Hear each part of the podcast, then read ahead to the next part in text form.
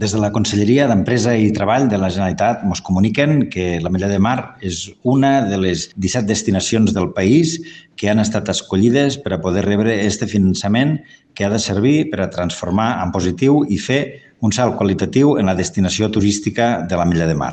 Fa que estiguem molt contents, evidentment, per tot el que significa. És un treball molt transversal, on ha participat molta gent, sobretot des de l'àrea de turisme, tenint en compte els resultats del pla estratègic participat per moltes persones que tenim en entitats, en col·lectius, en empreses del municipi,